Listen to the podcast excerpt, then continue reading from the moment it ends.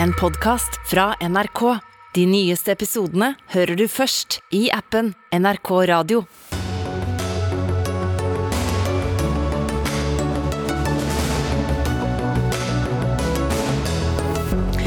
Russerne har oppført seg som IS-terrorister, sier den ukrainske presidenten. Nå krever han handling fra FN.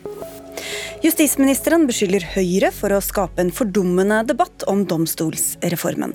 Selv vil hun heller høre på vanlige folk enn på ekspertene, som er mot regjeringas politikk. Psykologforeningen trekker støtten til tredeling av fødselspermisjon. Det kan skape stress hvis mor går raskt tilbake i jobb, mener en psykolog som møter en annen psykolog som er uenig.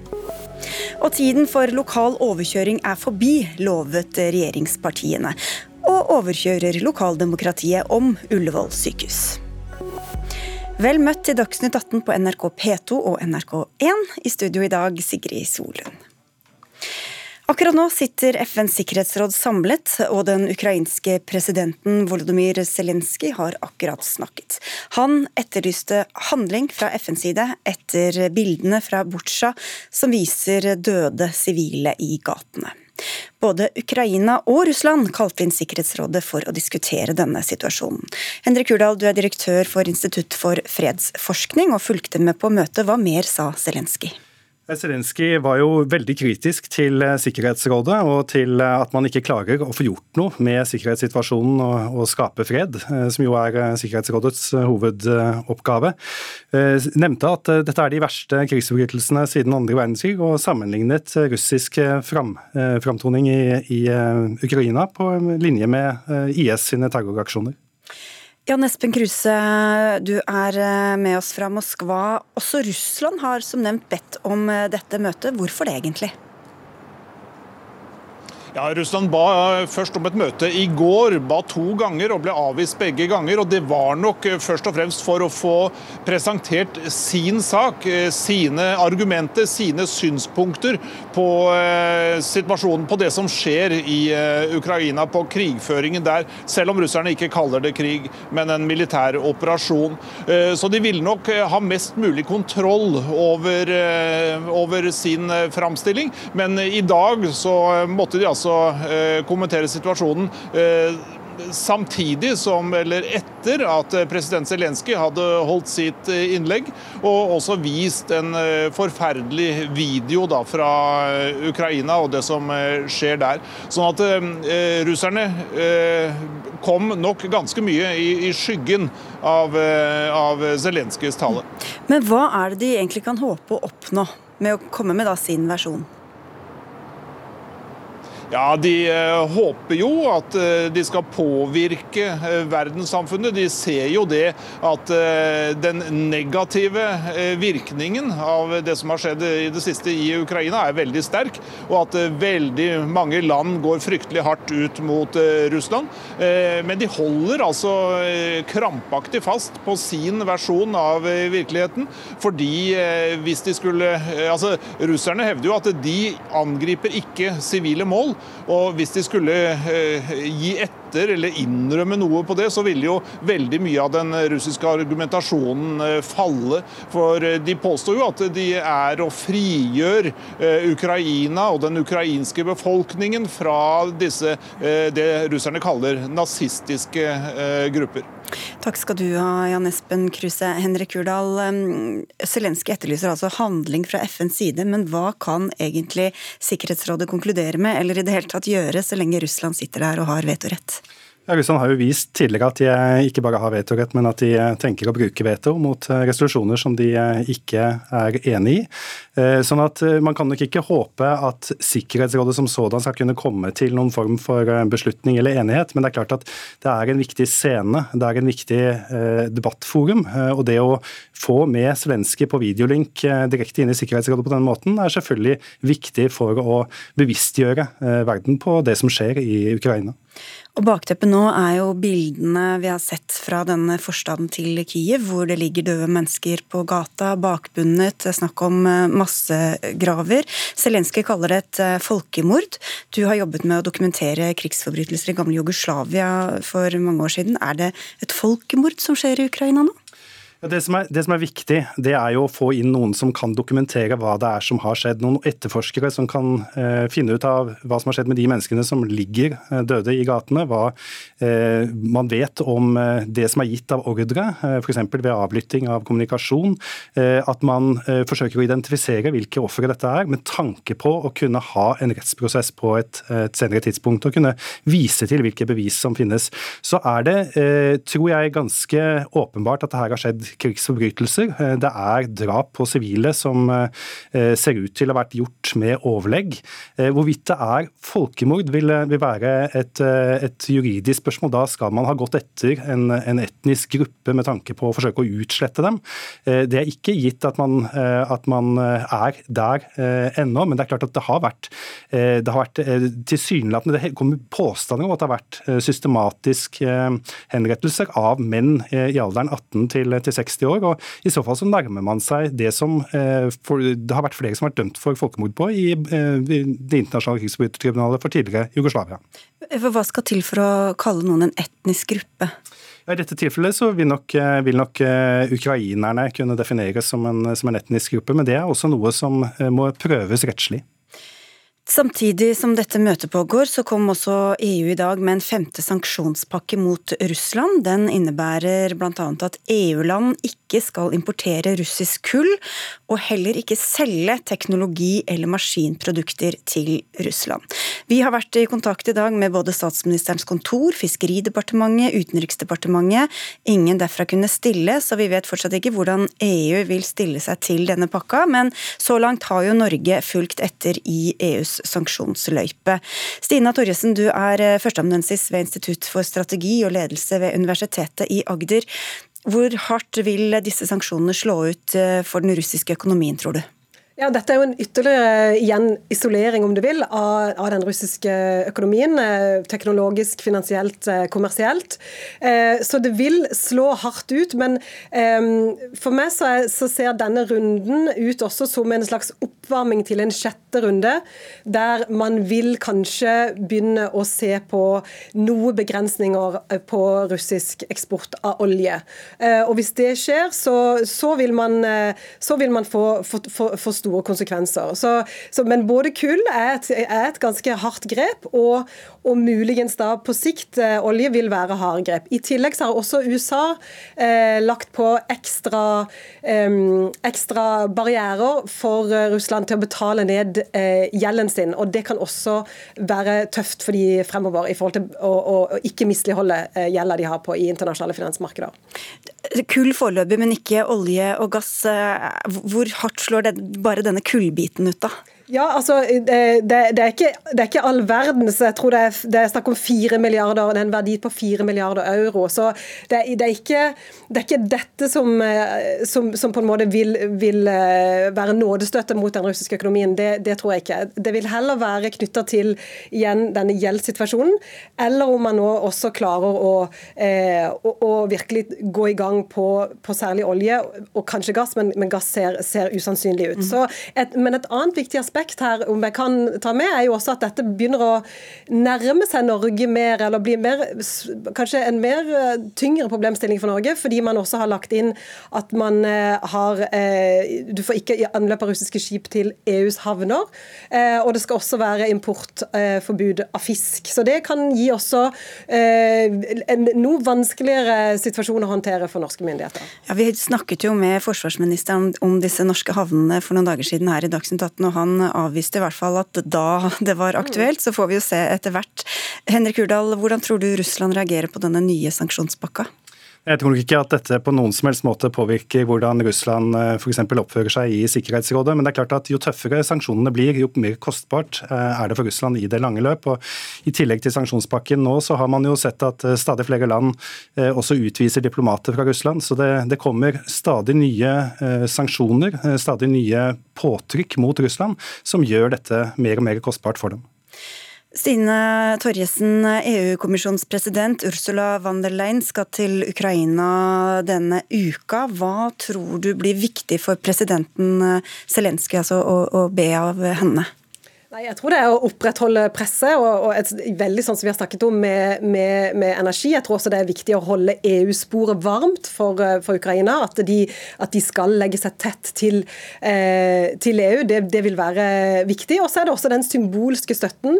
Vi så det veldig. Vi hadde flere eh, europeiske statsledere for et par uker siden som besøkte Kiev. Det er en enormt kraftfull, sterk symbolsk markering å ha store statsledere komme til Kiev og vise sin støtte til Eh, den ukrainske presidenten og de, de folk, den folkevalgte regjeringen. Og Også utenriksminister Anniken Huitfeldt og de andre nordiske utenriksministrene vurderer å reise til eh, Kyiv, så får vi se om det blir noe av. Takk skal dere ha, Stina Torjesen fra Universitetet i Agder, til deg, Henrik Urdal, direktør ved Institutt for fredsforskning.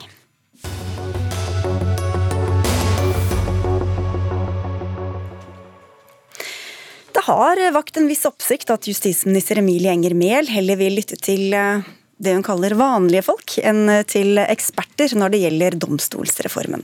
Reformen ble innført av den forrige regjeringen, og gikk bl.a. ut på å få færre tingretter, men beholde antall rettssteder. Men dagens regjering vil altså reversere reformen. Det har mange sentrale aktører protestert mot, men til VG sier Mehl at kritikken er et uttrykk for Oslo-elitisme. Vi skal høre fra henne først, men til, dere, til deg først, Sveinung Stensland, justispolitisk talsperson for Høyre. Dere steiler over denne kommentaren og kaller hele denne, dette intervjuet med Mehl for hinsides. Hvorfor det? Først det med Oslo-elitisme. Det er jo litt rart når vi vet at alle landets første lagmenn og lagrettene rundt i hele landet støtter reformen sånn som man foreligger. Domstoladministrasjonen har kontor i Trøndelag og er styrt av en vestlending, så vidt jeg vet. Og den, den, som har vært mest aktiv av enkeltaktører opp mot meg, det er Stine Sofie-stiftelsen, som eh, har eh, lokaler i Grimstad. Så det er jo ikke akkurat Oslo-elitisme. Det er et samla juridisk fagmiljø, og det er òg de som har eh, mest bruk for justissektoren, nemlig de som representerer barna, Stine Sofie og Barneombudet, som er tydeligst i denne saken. Og Da blir det veldig spesielt å kalle det for Oslo-elitisme. Du bruker hele Oslo som en stor stråmann i en sak som handler egentlig om rettssikkerheten til alle borgere i Norge, både vanlige og uvanlige folk, har glede av denne reformen. Den gir oss kortere behandlingstider og bredere fagmiljø. Og ingen, ikke en eneste nordmann får lenger, rett, lenger vei til nærmeste mm. rettssted. Det har selv justisministeren bekreftet i et spørsmål som er sendt til. Justis- og beredskapsminister Emilie Engemel, du er jo selv jurist og sitter i regjering. Det er vel Oslo lite på sitt verste, så deg skal vi vel i hvert fall ikke lytte til? Akkurat eh, det begrepet har jeg ikke brukt, det er det VG som har valgt å bruke som eh, overskrift. Men eh, jeg forstår ikke hvorfor Høyre er så redd for å få fram nyansene i saken, for å lytte til ikke bare topplederne i justismiljøene, som for det meste er plassert i Oslo eller andre store byer, men at vi også kan lytte til innspill fra resten av landet som regjeringen ønsker å gjøre. Så mitt poeng her det har vært at vi har sendt forslaget om å ta tilbake den gamle domstolsstrukturen på en bred høring. Vi ønsker å høre fra eh, de lokale miljøene. Det er fagmiljøer rundt i hele landet. Eh, og vi trenger å lytte til fagfolk, ikke bare de fra Oslo, men også de fra resten av landet. Men hva med Barneombudet, Stine Sofie-stiftelsen som Stensland eh, nevnte, er de også eliten, eller? Det er som sagt et begrep jeg ikke har brukt. Det er VG som har brukt det begrepet, og Høyre som ønsker å klistre det på oss for å framstille dette unyansert. Det er en sak som har mange nyanser, hvor det er delte meninger rundt i landet. og regjeringen mener det er viktig å høre på folk, ikke bare de som sitter sentralt plassert i Oslo. Eh, når det gjelder domstolstrukturen, så er det noen steder, eh, noen rettssteder eller eh, tingretter, hvor man nok vil ønske å beholde dagens struktur, og det har vi også lagt til rette for i høringen. Men så ser vi jo allerede på de høringssvarene som har kommet inn, at det er fagfolk, altså dommere, advokater, som sitter rundt i landet, f.eks. i Møre og Romsdal eller i Vesterålen, på Lillehammer, som ønsker å ta tilbake sin selvstendige domstol. og jeg er ikke redd for å høre de meningene, og så skal vi ta en helhetlig vurdering til slutt. Ja, og høre på alle, hvordan er det galt, eh, Sensland? Jeg har ikke sagt at det er galt. Eh, det har vi jo allerede gjort, fordi det var domstol, et domstolsutvalg som jobba i mange år. Eh, justisministeren sa jo òg at dette var hurtig arbeid. det var det jo slettes ikke. Det var langsomt arbeid. Det var en domstolsutvalg. I tillegg så ble denne behandla i, i, regjering og kom til slutt til storting. Vi hadde en god prosess i gruppene rundt dette. Og så har Stortinget fattet et demokratisk vedtak etter en brei og god prosess. Og så kommer det et nytt høringsutkast på 13 13 sider, der en kaster alt opp i lufta. Eh, eh, juridisk leder i Stine Sofie-stiftelsen kalte det, hadde substans på nivå med en ostepop, det høringsutkastet. Og så sier en at enkeltkommuner skal kunne stoppe domstolsreformen i, i, der de bor. Og spørsmålet hva skal en da gjøre? hvis det, Sånn som der jeg bor, så har Sveio kommune, som jo er en, en landkommune rett nord for Haugesund, med Senterpartiet Arbeiderpartistyret. De er positive til reformen, ønsker ikke å reversere. Mens Fitjar nord på Stord de ønsker en reversering. Hvordan skal vi forholde oss til det? Skal du da reversere eller ikke reversere? Altså Du skaper stor usikkerhet om et langt og godt arbeid som de aller aller fleste støtter. Og så må jeg også si at eh, Jo, men få høre, men hvem, hvem skal dere lytte til der hvor eh, to er uenige?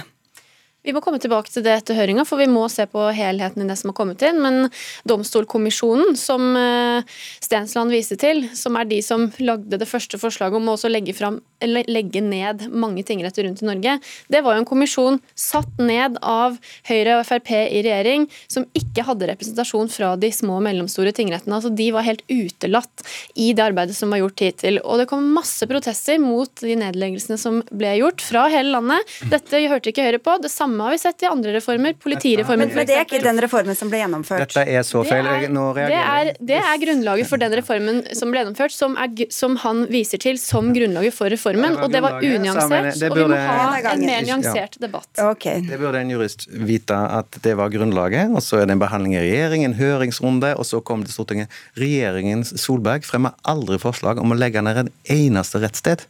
Det var aldri et tema. Det som ble fremma, det som ble vedtatt, etter nemlig den høringsrunden. Og så skal vi ha en ny høringsrunde. En annen ting, nå leste jeg akkurat en sak i Stavanger Aftenblad, som for øvrig har slakta ditt prosjekt på lederplass i dag. Eh, nemlig det er en helt hodeløs ting å reversere den reformen. Men alle tingrettene i Sør-Rogaland støtter reformen. Alle som en. Og så sier du at dette er et stort behov rundt omkring i landet. Er ikke, det, er ikke Rogaland en del rundt omkring i landet? Hvorfor gjennomføre denne reverseringen? Det går jo helt på autopilot. Også, jeg, ja, jeg, jeg, jeg vil svare på det.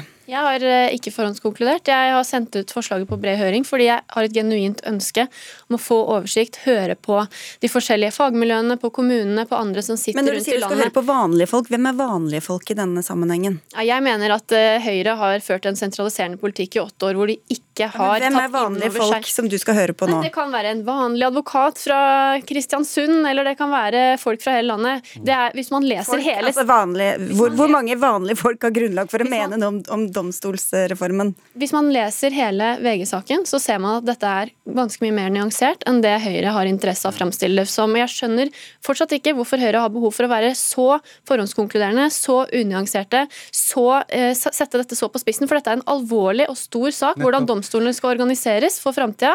Vi trenger gode diskusjoner. Og de hensynene som taler mot dagens reform, som man ser noen steder rundt i landet, f.eks. at lederne sitter lenger unna, at advokater og dommere må bruke mye mer tid på å reise. At noen sier at vi, de opplever at, eh, at domstolen blir mindre tilgjengelig for publikum. Dette er viktige stemmer å få fram, og så må ja. vi ta en helhetlig vurdering etterpå. Nettopp disse stemmene kom fram sist, og vi hadde nettopp den brede prosessen. Og dette er noe vi gjorde for å sikre folks rettssikkerhet. Nettopp derfor er vi så for å ikke reversere. De kom frem, og så ble og det, de overkjørt av Høyre? Nei, de ble ikke overkjørt. De ble lytta til. For det de forholdt seg til, det var Domstolskommisjonens forslag, og vi endra på det underveis. Og jeg må si en annen ting. Ja, men jeg skal bare, for Du sa at de overkjører. Vil, vil, du lytte like mye til dem som uh, er uenige med deg, eller? Ja, vi har jo sagt uh, som hele premisset for uh, det vi har sendt ut på høring. Så dere kan komme til å endre vi har, nå, nå, må jeg få lov til å svare på spørsmålet selv. Ja, ja, ja. Vi har sendt ut et høringsdokument, og vi har sagt at vårt utgangspunkt, som er helt riktig, det er jo at vi mener den gamle strukturen er bedre enn den nåværende. Men vi har jo sendt ut fordi vi ønsker å høre på høringsinnspillene. Og vi har også sagt at vi kommer til å gjøre unntak der hvor det er ønske om å beholde dagens struktur. I et intervju med NTB så uttalte justisministeren at reformen skal reverseres. Det står ord i Hurdalsreformen. Det var utgangspunktet til justisministeren. Det er et unntak der, og vi gjør unntak. Og så har vi gjennom uh, brukt vår rett til å uttale oss i media og på Stortinget, og vi har faktisk lagt på litt press, og nå har du en helt annen tone som er positiv. Men jeg lurer på én ting. Disse enkeltadvokatene som du refererer til, disse enkeltdommerne du refererer til, er ikke de medlemmer av Advokatforeningen og Dommerforeningen? Har ikke de medlemmer fra hele landet? For jeg snakker med disse, og Advokatforeningen ønsker ikke å reversere. Juristforbundet vil ikke reversere. Og så er det selvfølgelig okay. enkeltmedlemmer. Men vi har faktisk et demokratisk fatta vedtak i Stortinget for litt over et år siden. Må Mehl få svare på det før vi skal slippe dere fri. Det er et uh, veldig godt poeng. Uh, fordi Advokatforeningens ledelse sitter jo sentralt. Dommerforeningens ledelse sitter sentralt. Det finnes også lokale dommerforeninger, lokale advokatforeninger rundt i landet som kan ha andre meninger. Det ser vi allerede i høringsrunden. At noen dommerforeninger har et annet syn enn den sentrale ledelsen. Og de, som, de, og de som representerer bare seg selv, de skal vektes like tungt som en forening som representerer 100 medlemmer f.eks.?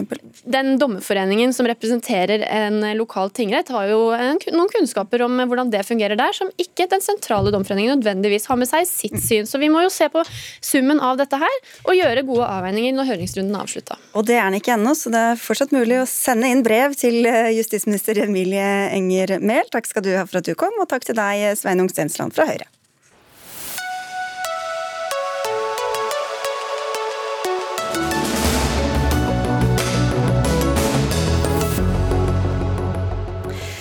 Etter flere år med kamper og omkamper, så kan det nå være kroken på døra for Ullevål sykehus. Nå går nemlig regjeringen inn og tar over hele prosessen, slik at sykehuset selges og driften flyttes. Dette skjer til tross for at samtlige partier i Oslos byråd, bortsett fra Høyre, ønsker å bevare Ullevål sykehus. Marianne Borgen fra SV, du er ordfører i Oslo, og da regjeringa varslet i vinter at det kunne bli aktuelt med statlig regulering, som det heter, så sa du til Aftenposten at det ville være totalt uakseptabelt og hårreisende. Hva sier du i dag? Det mener jeg fortsatt er helt uklokt. Og det er slik at det er et, et bredt flertall i Oslo bystyre de folkevalgte i vår by, som har vært veldig tydelige på at man ønsker å bevare Ullevål sykehus og fornye Ullevål sykehus, og selvfølgelig også bygge ut Aker sykehus for hele Groruddalen. Eh, eh, og det gjør vi jo fordi vi ønsker å sikre at Oslos befolkning, som er økende og voksende, vi er over 700 000 innbyggere i vår by nå, at vi skal ha nok sykehusplasser, at vi skal ha en skikkelig beredskap i vår by, og at vi skal ha et sykehus som fungerer. Eh, og det er jo ikke bare Oslo bystyre som har denne, dette synet. Det er jo også slik at våre fagmyndigheter, altså plan, eh, planleggingsmyndighetene hos oss, er kritiske. Eh, fagforeningene er meget kritiske til dette. Eh, Byantikvaren har vært ute og er også veldig kritisk og negativ til denne, denne gigantplanleggingen som Helse Sør-Øst har foreslått knyttet til Gaustad. Sånn at det er jo et bredt miljø i Oslo, ikke bare bystyret, men bystyret er altså det folkevalgte. Og jeg må jo si at jeg syns det er hårreisende at en regjering som i sin Hurdalsplattform har sagt at nå er på en måte tida for å overkjøre det folkevalgte demokratiet over. At noe av de første de gjør er å overkjøre oss og gjøre oss til en ren høringsinstans. Ja, Hvordan henger dette på greip, helse- og omsorgsminister Ingvild Kjerkol?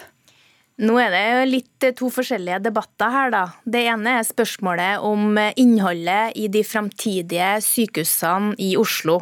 Der har vi virkelig hørt, og det har også tidligere regjeringer hørt på Oslo bystyre. Men nå snakker vi om denne overkjøringa, da.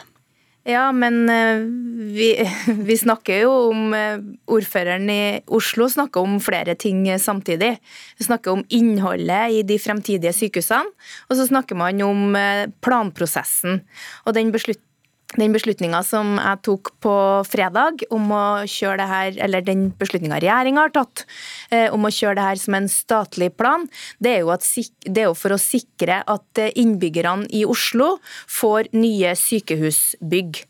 Og Oslos innbyggere har de eldste og de dårligste sykehusbyggene i landet, og det er behov for å bygge nye. Og den løsninga vi har for å bygge nye, den har Oslo bystyre slutta seg til så sent som i 2018. Men de vil ruste opp Ullevål sykehus og bygge nytt og friskt eh, der og, og, og pusse opp. Og så sier dere, som Borgen sa, at tiden for overkjøring av lokalsamfunn er over. I Hurdalsplattformen står det. Hvorfor gjelder ikke det hovedstaden? Vi, jeg mener at vi ikke overkjører noen. Vi har jo hørt på Oslo bystyre når man har planlagt fremtidige Hvorfor er det behov for statlig regulering hvis dere ikke overkjører? Nei, Det er jo fordi at vi tar Oslo bystyre sitt flertall på høyeste alvor, og de har jo sagt at de ikke ønsker de her planene. Og det er jo å ta lokaldemokratiet på alvor. Eh, det at vi kjører en statlig reguleringsplan, at kjører det her som statlig plan. Det er et verktøy enhver regjering kan benytte seg av. Det gjør man hjemla i lov. Ja, ulovlig er det ikke, det tror jeg alle er enige om. Ja, vi er enige om, og, det og det vil jo bli sånn at Oslo blir hørt i den videre prosessen. Ja, Vi blir en høringsinstans, og det er helt riktig som, eh, som ministeren sier, at det er lov å bruke statlig regulering, men jeg tror ikke det er klokt. Fordi her snakker vi altså om et politisk eh, flertall i en by, en hovedstad, og en rekke fagmiljøer og organisasjoner, fagforeninger, som har virkelig advart mot det som er Helse Sør-Øst sine planer, som nå regjeringen støtter. Og det å ikke lytte til det, det mener jeg virkelig er å overkjøre. Og når eh, ministeren også til stadighet sier at jo, men tilbake til 2018 så var det et annet flertall i Oslo bystyre. Det er riktig, men vi må altså ikke glemme at vi har hatt et, eh, et stortingsvalg i mellomtiden. Og der er det altså et endret flertall.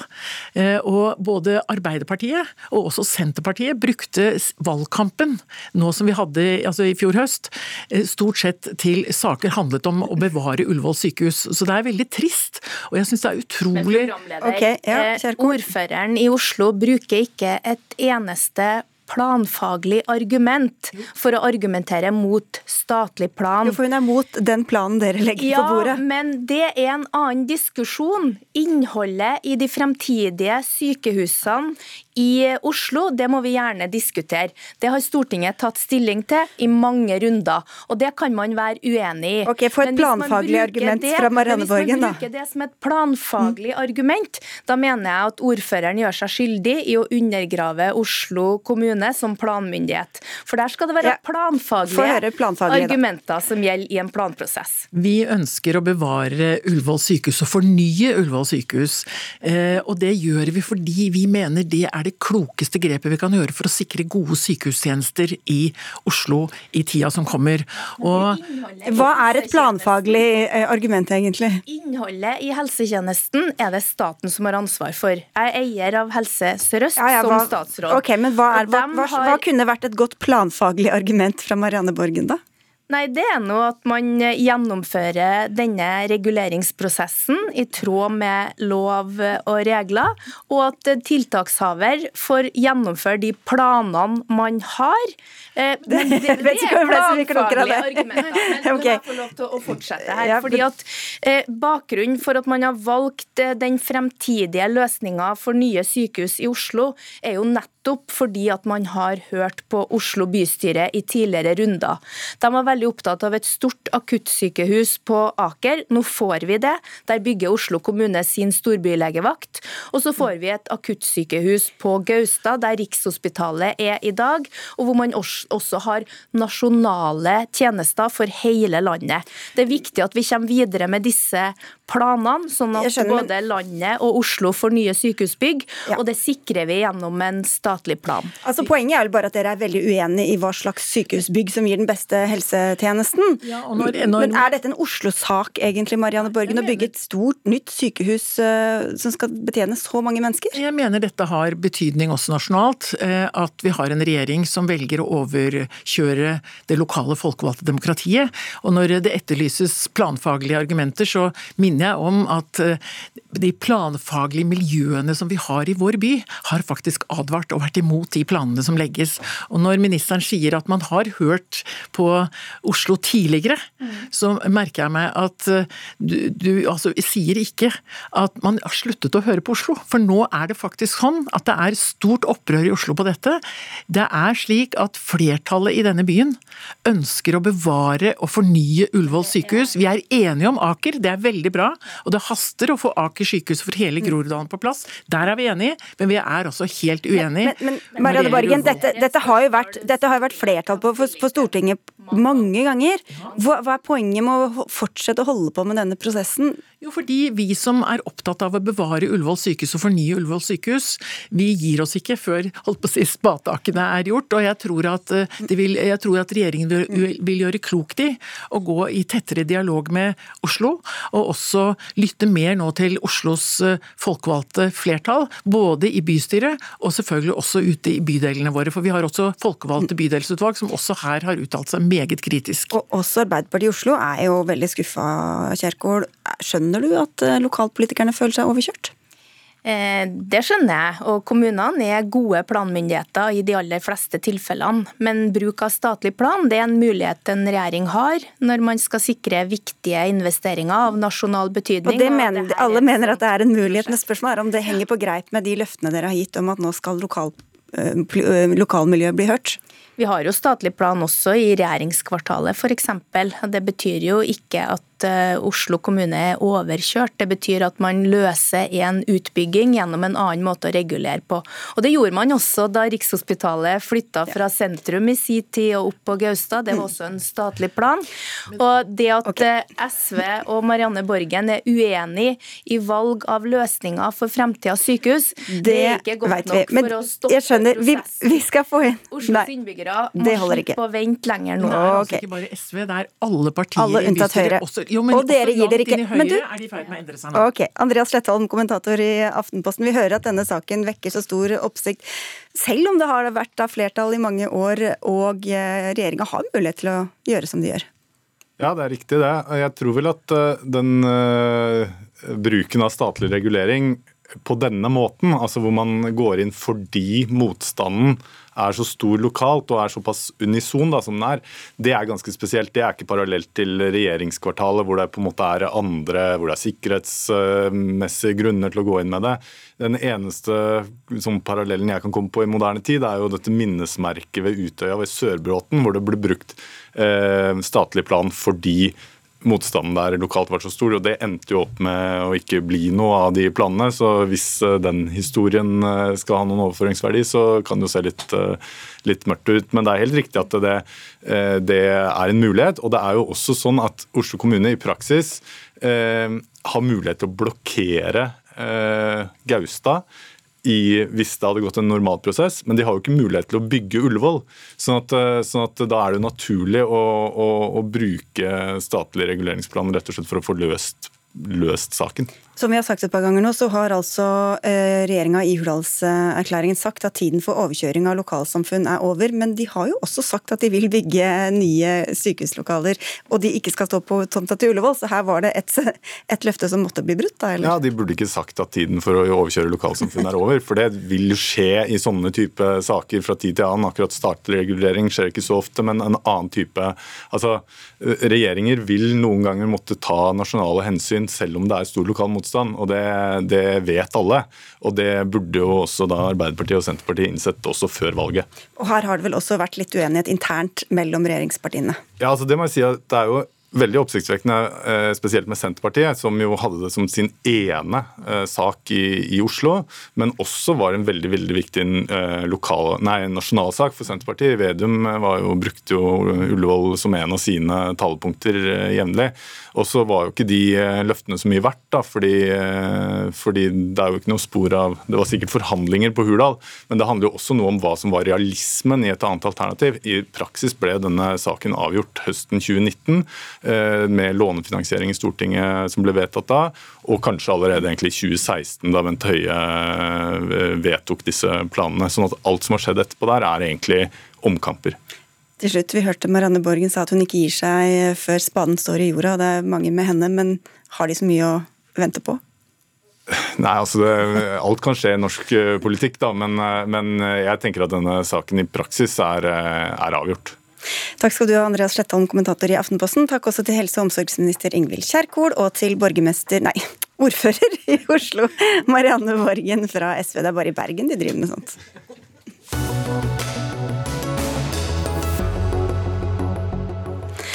Debatten om fordeling av foreldrepermisjon har blusset opp igjen. Ikke bare mellom politikerne, men også i fagmiljøene. Psykologforeningen har tidligere vært positiv til at en tredel forbeholdes mor, en tredel til far og en tredel av tiden kan fordeles fritt.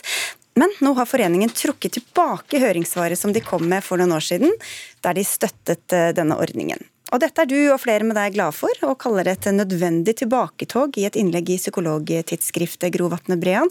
Du er psykologspesialist og spesialrådgiver ved Regionsenter for barn og unges psykiske helse Øst og Sør.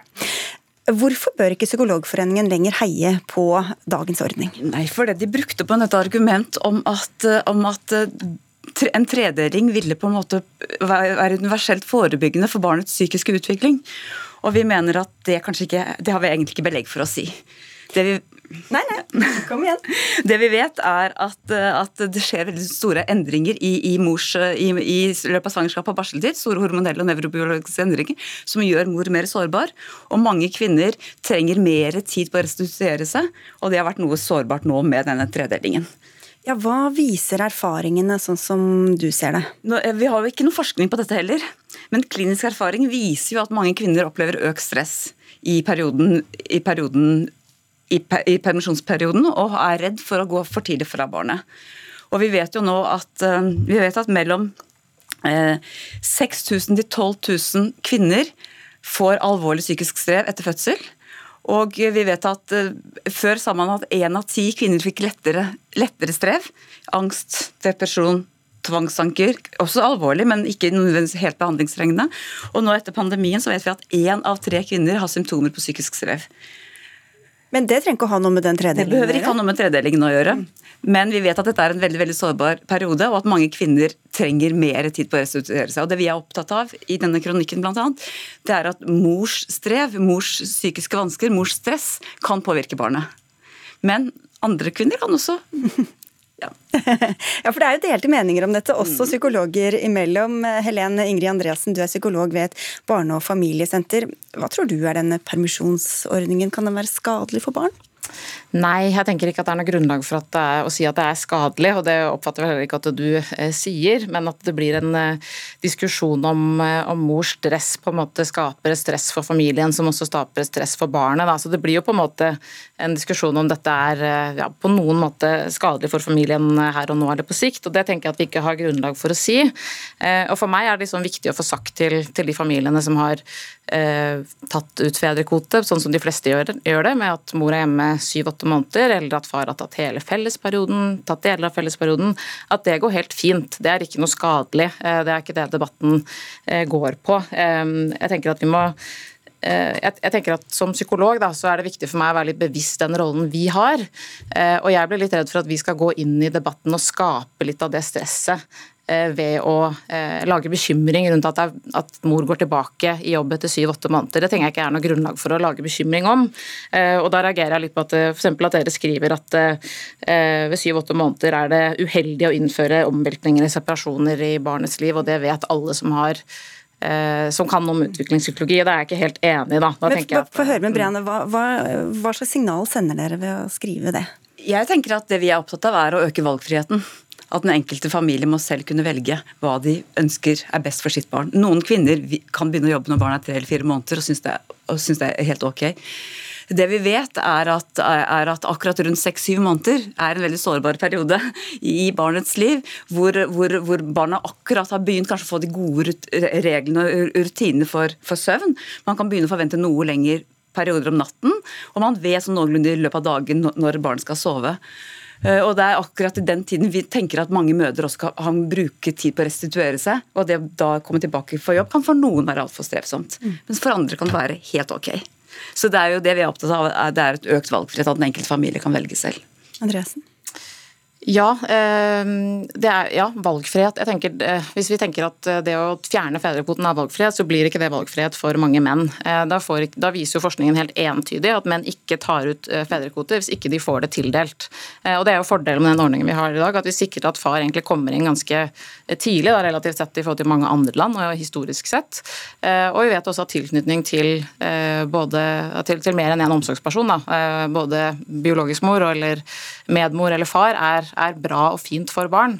Eh, så jeg tenker at det blir litt sånn, eh, Når vi vet så tydelig hva som skjer hvis man fjerner fedrekvoten helt, så tenker jeg ikke at, at det blir helt riktig heller, da. Og da tenker jo vi også at vi skal jo ikke fjerne fedrekvoten, men det er lengden på fedrekvoten vi er litt uenige om. At den skal diskuteres og vurderes på nytt igjen. Og at barnet på en måte helt sikkert kan etablere en trygg tilknytning til både mor og far, selv om far er på jobb. Men, men, dere har ikke satt noe hvor mange uker dere Nei, vil ha? Vi vet ikke helt. så Jeg har lyst til at dette må vurderes ordentlig. Og da kan man jo se for seg, La oss si at det er fem uker. da. Hva, hvor mye rekker man å på en måte bli en trygg omsorgsperson alene for den andre forelderen i løpet av en så kort uh, periode? Det kan jo diskuteres. Men, men, fem uker kan jo også være en fin periode å bli kjent på, hvis det har vært såpass mye strev i familien tidligere at mor trenger denne tiden for måte etablere for å komme tilbake i jobb og restituere kroppen sin ordentlig. Men kan det også være at hvis man har en lang periode, enten det er 10 eller 15 uker, så det, danner man også relasjoner som kan vare i mange år framover, fordi at man selv har liksom fått den trygge foreldrerollen? Jeg tenker at den trygge foreldrerollen kommer uansett, det. På bakgrunn av de erfaringene man har med barn. Morgen, middag og kveld.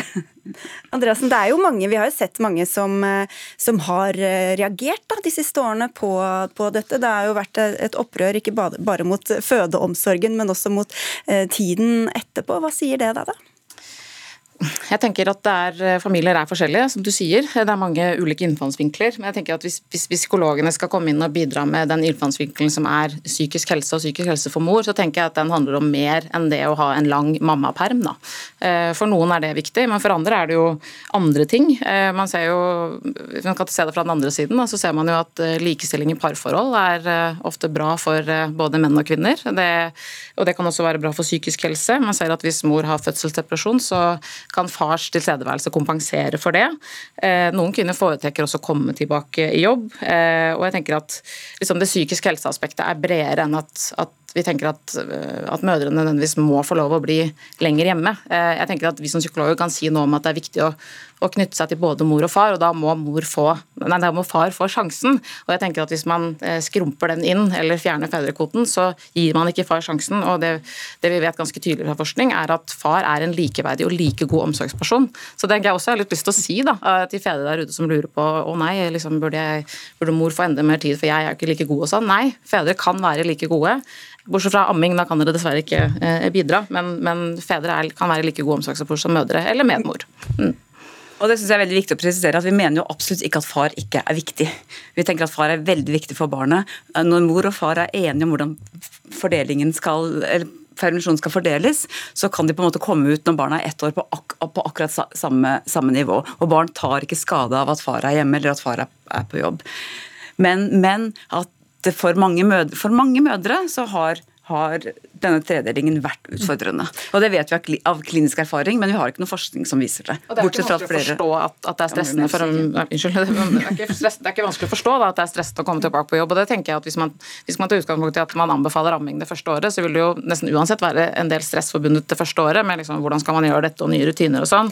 Og så er spørsmålet hvor, hvor farlig er det, eh, og, og, hvordan skal vi snakke om det. Og jeg tenker at eh, Vi skal heller ikke overdrive hvor farlig det er at, at far kan komme inn også på et ganske tidlig tidspunkt. Og For noen familier er det også best. Så jeg tenker at det også er viktig å heller da støtte opp om eh, reell ammefri for alle yrker. Eh, at det er, eh, å vite om at det er en fleksibel perm. Man kan ha fleksibel start i jobb og, og ta, ut, ta, ut, på forskjellige måter.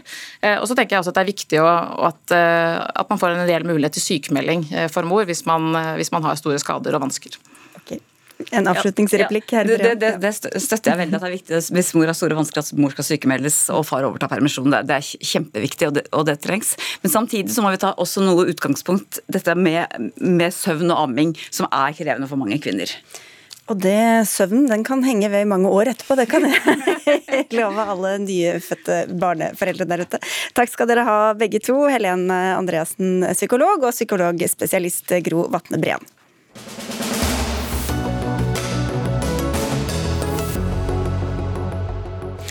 Sommerferien nærmer seg med stormskritt, får vi håpe i hvert fall, og mange forsøker å planlegge ferie. Det kan bli en vrien kabal å få, eh, til, få til å gå opp når skolebarna har dobbelt så lang ferie som foreldrene, eller hva, Margaret Hagerup?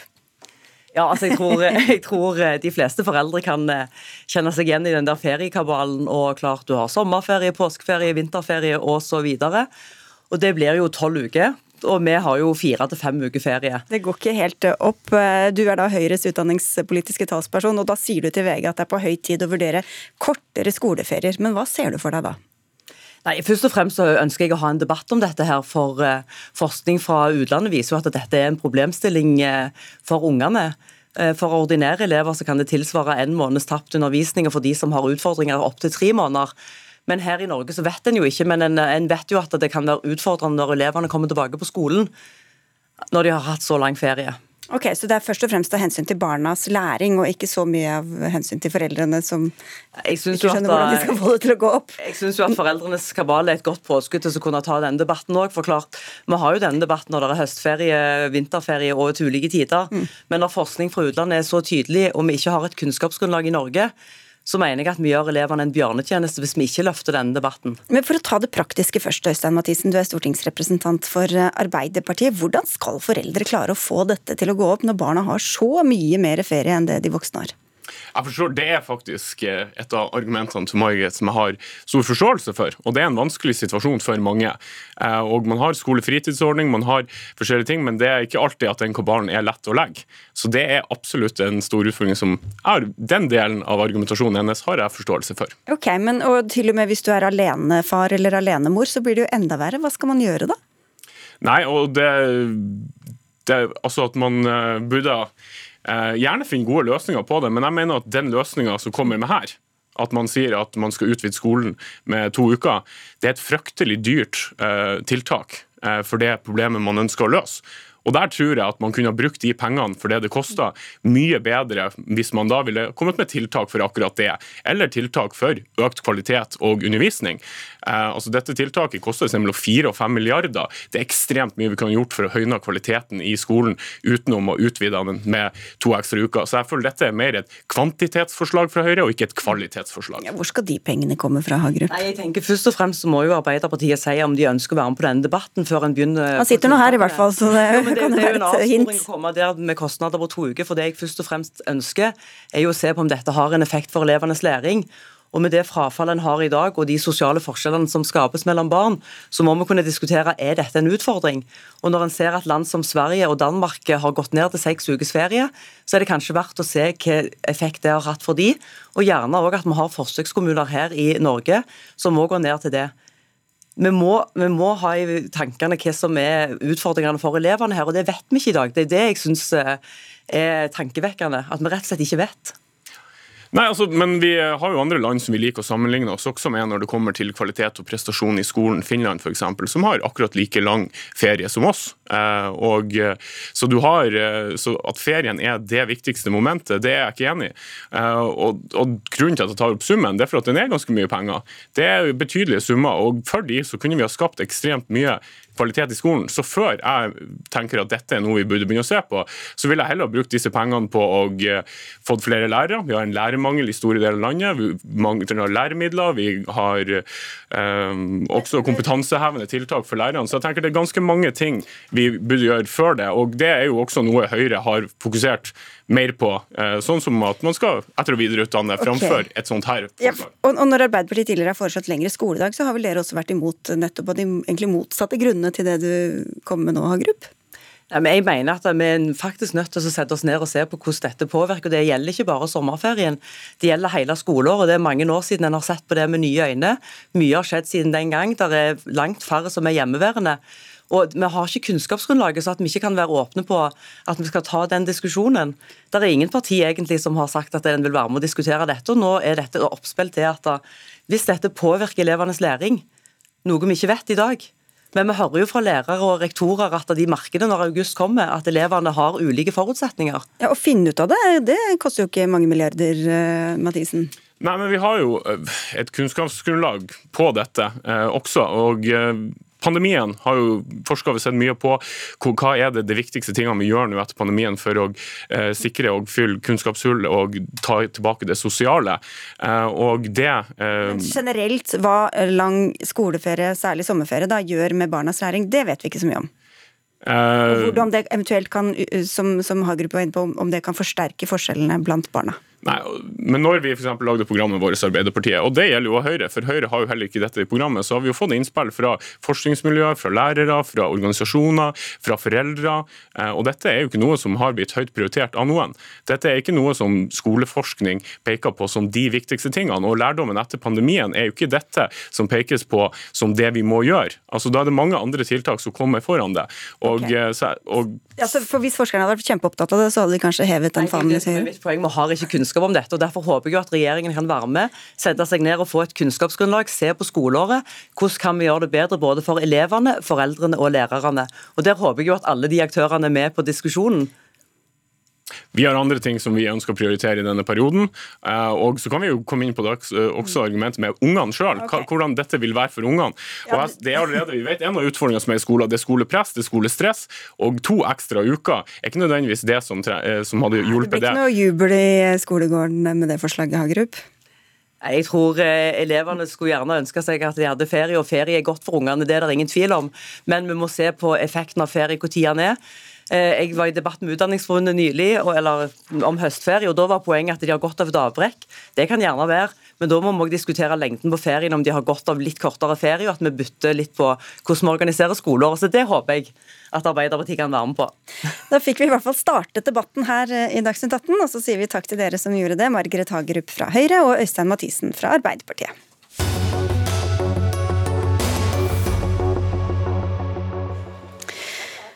I dag våknet to norske barn i barnehagealder til en ny virkelighet. Mammaen ble drept i natt. Drapsmannen var kvinnens egen samboer. Drapet i Krødsherad er det et sjette år der en kvinne blir drept av en som hun var i nær relasjon til. Dermed utgjør disse flesteparten av de totalt ni drapene som politiet i Norge etterforsker så langt i år. Vi skal ikke ta for oss dette siste drapet eller noen andre enkeltsaker, men Solveig Bø Vatnar, du er professor i psykologi ved Universitetet i Oslo og Høgskolen i Molde og har forsket på partnerdrap. Det føles jo ikke helt riktig å snakke om motiv, men hva er det som ligger bak når en mann velger å ta livet av kjæresten eller kona eller samboeren? Ja, Først må jeg si at jeg jobber ved Oslo universitetssykehus. Sykehus, ja. Sånn at arbeidsgiver blir riktig. Eh, det man kan si eh, som Det det er best dokumentasjon for som risikofaktor i sakene som ender med partnerdrap, er at det har vært en voldshistorikk, en partnervoldshistorikk i parrelasjonen.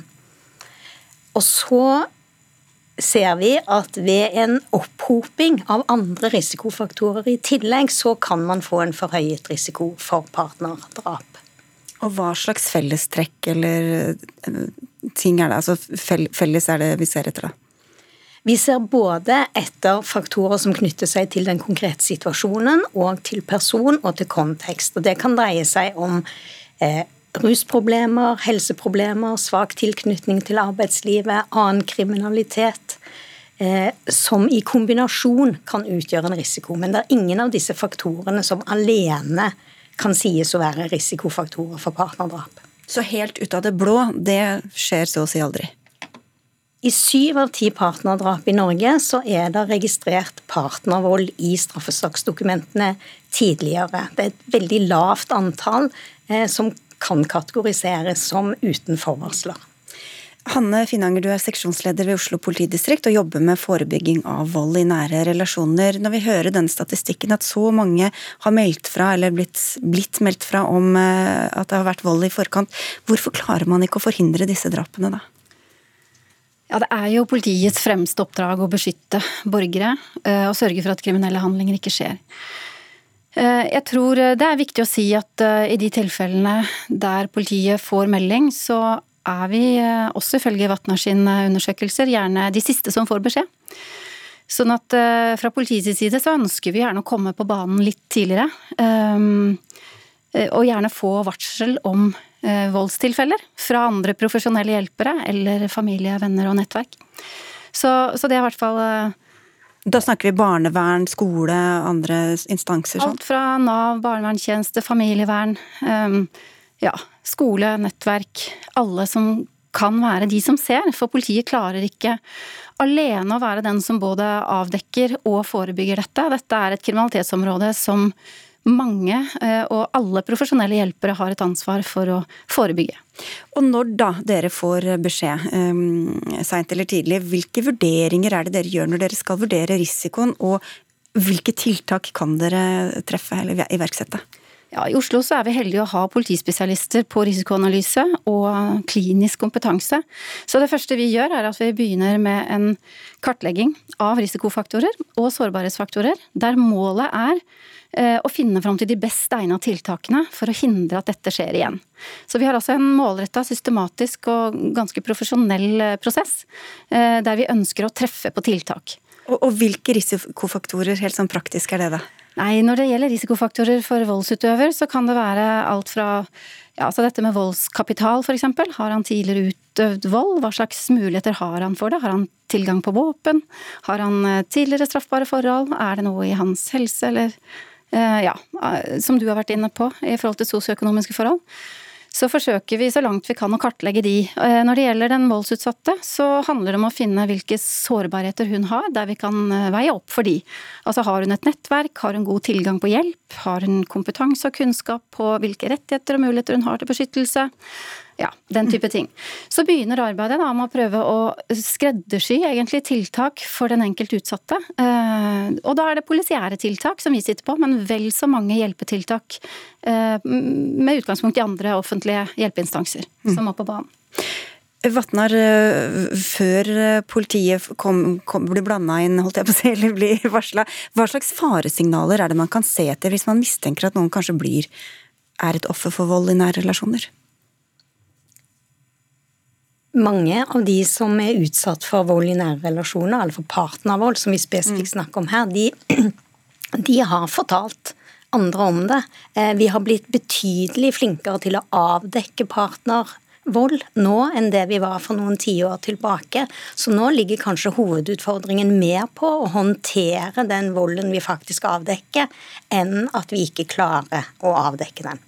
Hvordan skal man håndtere det, da? Å få enten volden til å stanse, eller at man klarer å få kvinnen, da, som er det ofteste tilfellene, ut av det forholdet?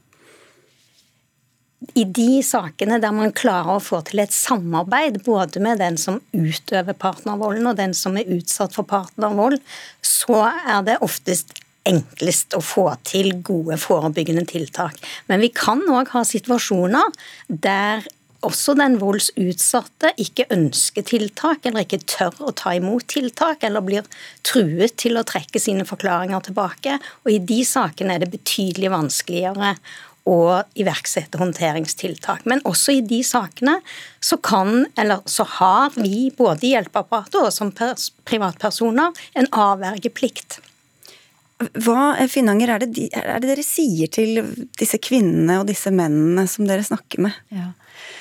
Det å drive med forebygging og beskyttelsesarbeid, det er en, en møysommelig og, og, kompleks og ganske lang prosess.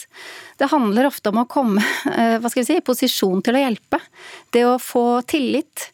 Det å istandsette den utsatte til å forstå sitt eget trusselbilde. Det å få henne til å forstå, um, i noen sammenhenger, da, hvor farlig det er for henne. De er ofte ambivalente. De har levd i en relasjon som kanskje består både av mye kjærlighet, men også ekstremt farlige situasjoner. De er fanga i en avhengighet og en tilknytning til voldsutøver, gjerne gjennom barn, økonomi, felles nettverk, som gjør at det er vanskelig å bryte dette på, på kort tid. Så det å starte med Vi pleier å si at vi starter med å så et lite frø. Det å begynne med noen og bare fortelle dem litt om hva vi kan hjelpe dem med, og hva slags muligheter som fins. Og vi opplever at mange ganger så handler det om helt grunnleggende ting, sånn som å vurdere å tørre å gå fra sin voldelige partner kan handle om å vite at man har nok penger til å betale husleie og barnehage, og det har mat på bordet. Så, så det starter der, og så har vi jevnt over lange prosesser over flere uh, uker og flere måneder før vi får til en god beskyttelse. Vatnar, det er jo også kvinner som er voldelige, som uh, også slår eller til og med dreper mann, eventuelt også barn. Hva skiller den volden kvinner utøver fra den volden menn utøver? Når vi har sammenlignet eh, gjerning, kvinnelige gjerningspersoner med mannlige gjerningspersoner på partnerdrap, eh, så er det relativt få forskjeller. Det er mange flere likhetstrekk enn det er forskjeller når den kommer i en sånn situasjon som ved drap. Men partnerdrap rammer jo menn og kvinner svært ulikt. Altså For hver mann som blir drept av en kvinnelig gjerningsperson, så er det syv kvinner som blir drept av en mannlig gjerningsperson. Mm.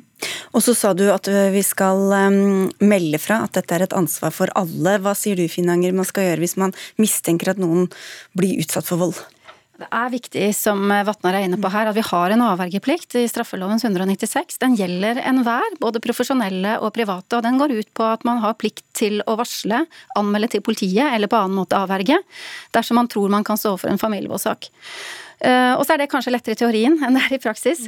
Men å vite at det faktisk er forbundet med, med straff, eh, tenker jeg er eh, viktig. Og så får man oppfordre folk til å ta kontakt med politi eller krisesenter eller alle andre hjelpeinstanser hvis de har sånn mistanke. Vi får avslutte med det. Takk skal dere ha begge to, Solveig Karin Bø Vatnar og Hanne Finnanger. Dagsnytt 18 er over. Odd Nytrøen, Ida Larald Brenna og Sigrid Solund takker for følget.